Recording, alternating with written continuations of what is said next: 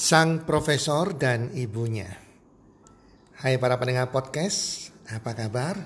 Di mana pun Anda berada saat ini, saya mendoakan semoga Anda bersama keluarga dalam keadaan sehat walafiat selalu dan pasti-pastinya selalu berbahagia bersama keluarga, rezeki Anda makin bertambah dan kesuksesan dan keberuntungan selalu menyertai Anda sepanjang tahun ini.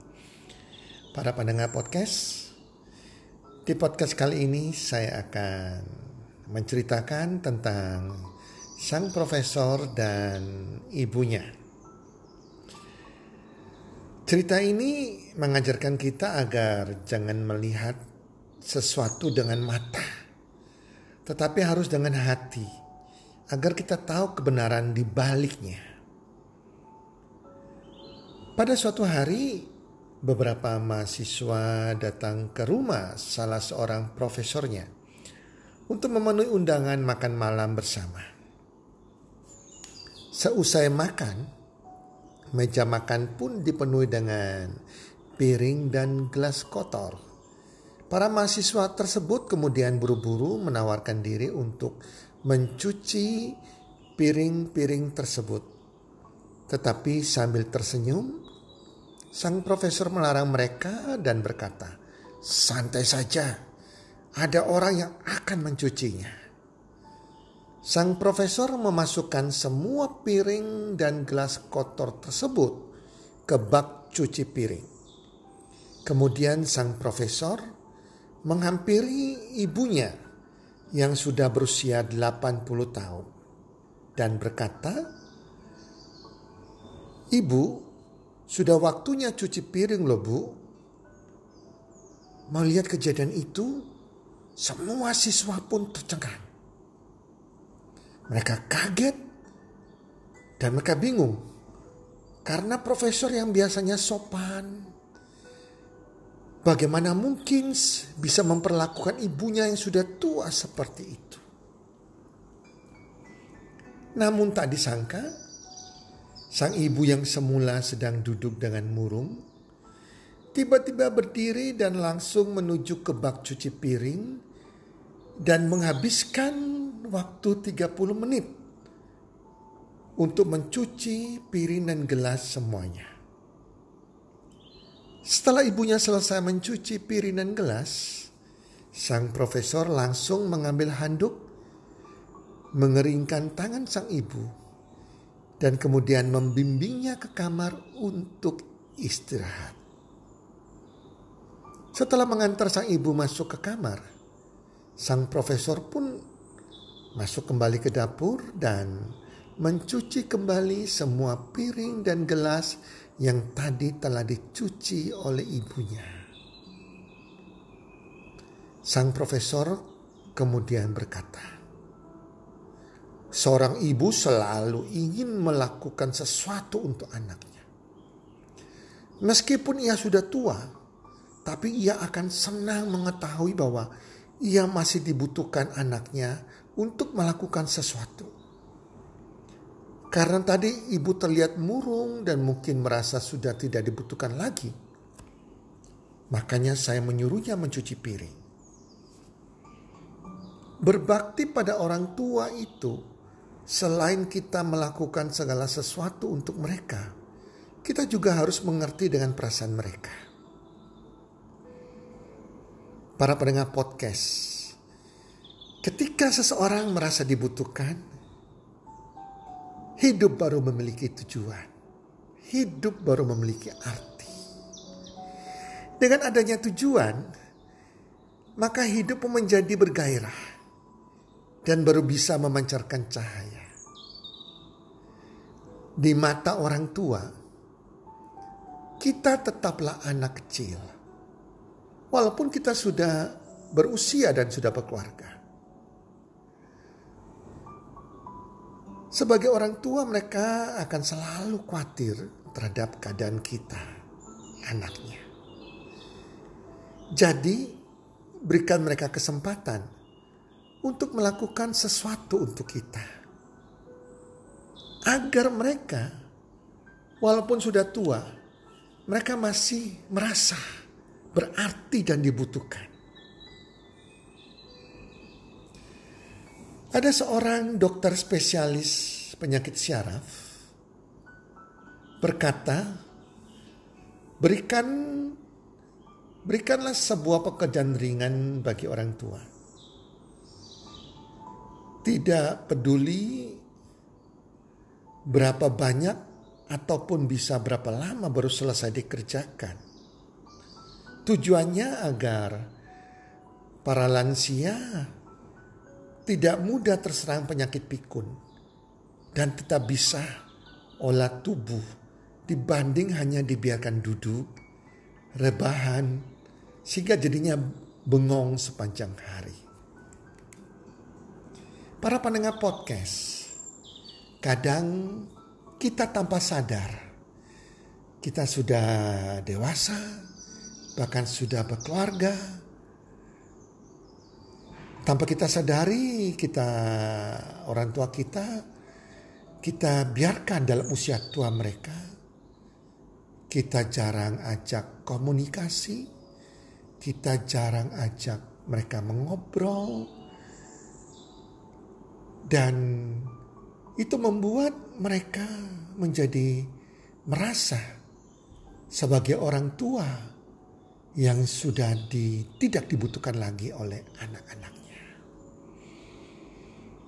Para pendengar podcast, andai kata kita dalam posisi, posisi orang tua kita, kita dalam posisi orang tua tersebut, di mana anak-anak kita jarang mengajak kita mengobrol, jarang mengajak kita komunikasi, kita hanya dibiarkan makan tidur, makan tidur. Tentunya kita menjadi orang tua yang merasa sudah tidak berarti di usia tua kita. Dan ini akan menyebabkan orang tua tersebut cepat pikun, bersedih hati, merasa tidak dibutuhkan, dan akan membuat mereka cepat meninggal dengan tidak bahagia tentunya. Para pendengar podcast, almarhum ibu saya selalu saya buat dia merasa berarti dalam hari tuanya. Walaupun dengan segala kebatasan pikiran dan kepandaiannya dia, tetapi saya selalu memperlakukan ibu saya di usia tuanya bahwa dia adalah seorang ibu yang saya butuhkan. Seorang ibu yang berarti bagi saya. Walaupun tidak satu rumah, dia tinggal dengan adik saya. Saya setiap minggu akan berkunjung ke rumahnya. Setiap hari pun saya akan berusaha telepon ibu saya. Mengajak berbicara, menanyakan apa ibu sudah makan, bagaimana tidurnya kemarin. Ibu saya suka nonton sinetron, saya suka bertanya bagaimana cerita sinetronnya. Saya tidak suka nonton sinetron tetapi saya suka membuat ibu saya bahagia. Saya ingat sekali ibu saya suka nonton sinetron tukang bubur ingin naik haji. Itu sinetron favoritnya. Saya walaupun tidak suka nonton sinetron tersebut, saya pasak, paksakan nonton sinetron tersebut dan saya selalu berpura bertanya, Mama kemarin sinetronnya gak sempat saya ikuti loh. Ceritanya apa sih ma? Kelanjutannya. Dan beliau dengan semangat akan menceritakan episode tersebut teman-teman. Persoalan atau ada kasus apa pun, saya berusaha tukar pikiran dengan beliau. Padahal saya nggak butuh jawaban atau tukar pikiran dengan beliau, tetapi saya membuat seakan-akan bahwa beliau merasa penting. Saya selalu bertanya, saya selalu cerita setiap persoalan yang kecil pun yang tidak berarti. Saya cerita minta pendapat beliau, saya cerita kasus si A minta pendapat ibu saya bagaimana, sehingga dia merasa bahwa dia ini masih dibutuhkan sebagai orang tua, bahwa pikirannya masih pandai teman-teman. Walaupun banyak hal dia sudah mulai lupa, mulai pikun karena usia tuanya. Saya berusaha membuat dia bahagia di usia tuanya. Saya merasa membuat ibu saya berharga dan dibutuhkan di usia tuanya. Dan itu menjadi kebiasaan saya sampai kemudian beliau meninggal. Pada waktu beliau meninggal, kebiasaan saya adalah setiap pagi menelpon beliau menanyakan, "Mama, how are you today?" Apa kabar Mama hari ini? Mama sehat, tidurnya gimana kemarin?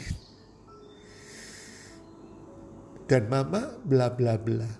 Saya banyak bercerita, bertukar pikiran, bertanya. Sehingga pada waktu beliau meninggal, kebiasaan saya menelpon beliau pagi-pagi itu, saya tidak sadar. Saya masih lakukan telepon ke rumah adik saya, ke telepon langsung ke mama saya. Saya tidak sadar kalau dia sudah meninggal. Karena sudah menjadi kebiasaan para pendengar podcast, suatu saat kita semua akan menjadi tua. Sebagai orang tua, baru kita menyadari bahwa kita memperlakukan anak-anak kita, walaupun mereka sudah dewasa, kita masih menganggap mereka sebagai anak-anak yang masih kecil. Jadi jangan kita marah kalau ibu kita banyak mengurusi kita, bicaranya ulang-ulang atau dia cerewet. Jangan kita marah kalau ayah kita, ibu kita yang sudah mulai pikun bertanya seakan-akan memperlakukan kita sebagai anak kecil. Perlakukan mereka. Ajak mereka komunikasi. Ajak mereka bertukar pikiran. Minta pendapat mereka. Walaupun Anda tidak membutuhkan pendapat mereka. Tapi buat mereka merasa berarti. Bahagiakan mereka. Ajak mereka jalan-jalan, ajak mereka makan di luar. Ajak mereka makan makanan kesayangan mereka. Bahagiakan mereka di hari tua mereka. Karena kita tidak pernah tahu kapan orang tua kita akan dipanggil oleh Tuhan. Dan nantinya kita akan juga mengalami hal yang sama. Kita akan menjadi tua. Apa yang kita tabur akan kita tuai juga para pendengar podcast. Semoga podcast kali ini bisa memberikan Anda inspirasi dan membuat kita makin sayang kepada orang tua kita dan memperlakukan mereka sebagai orang yang berharga, orang yang penting dalam hidup kita, yang kita butuhkan dalam hidup kita. Salam sukses. One, two, three.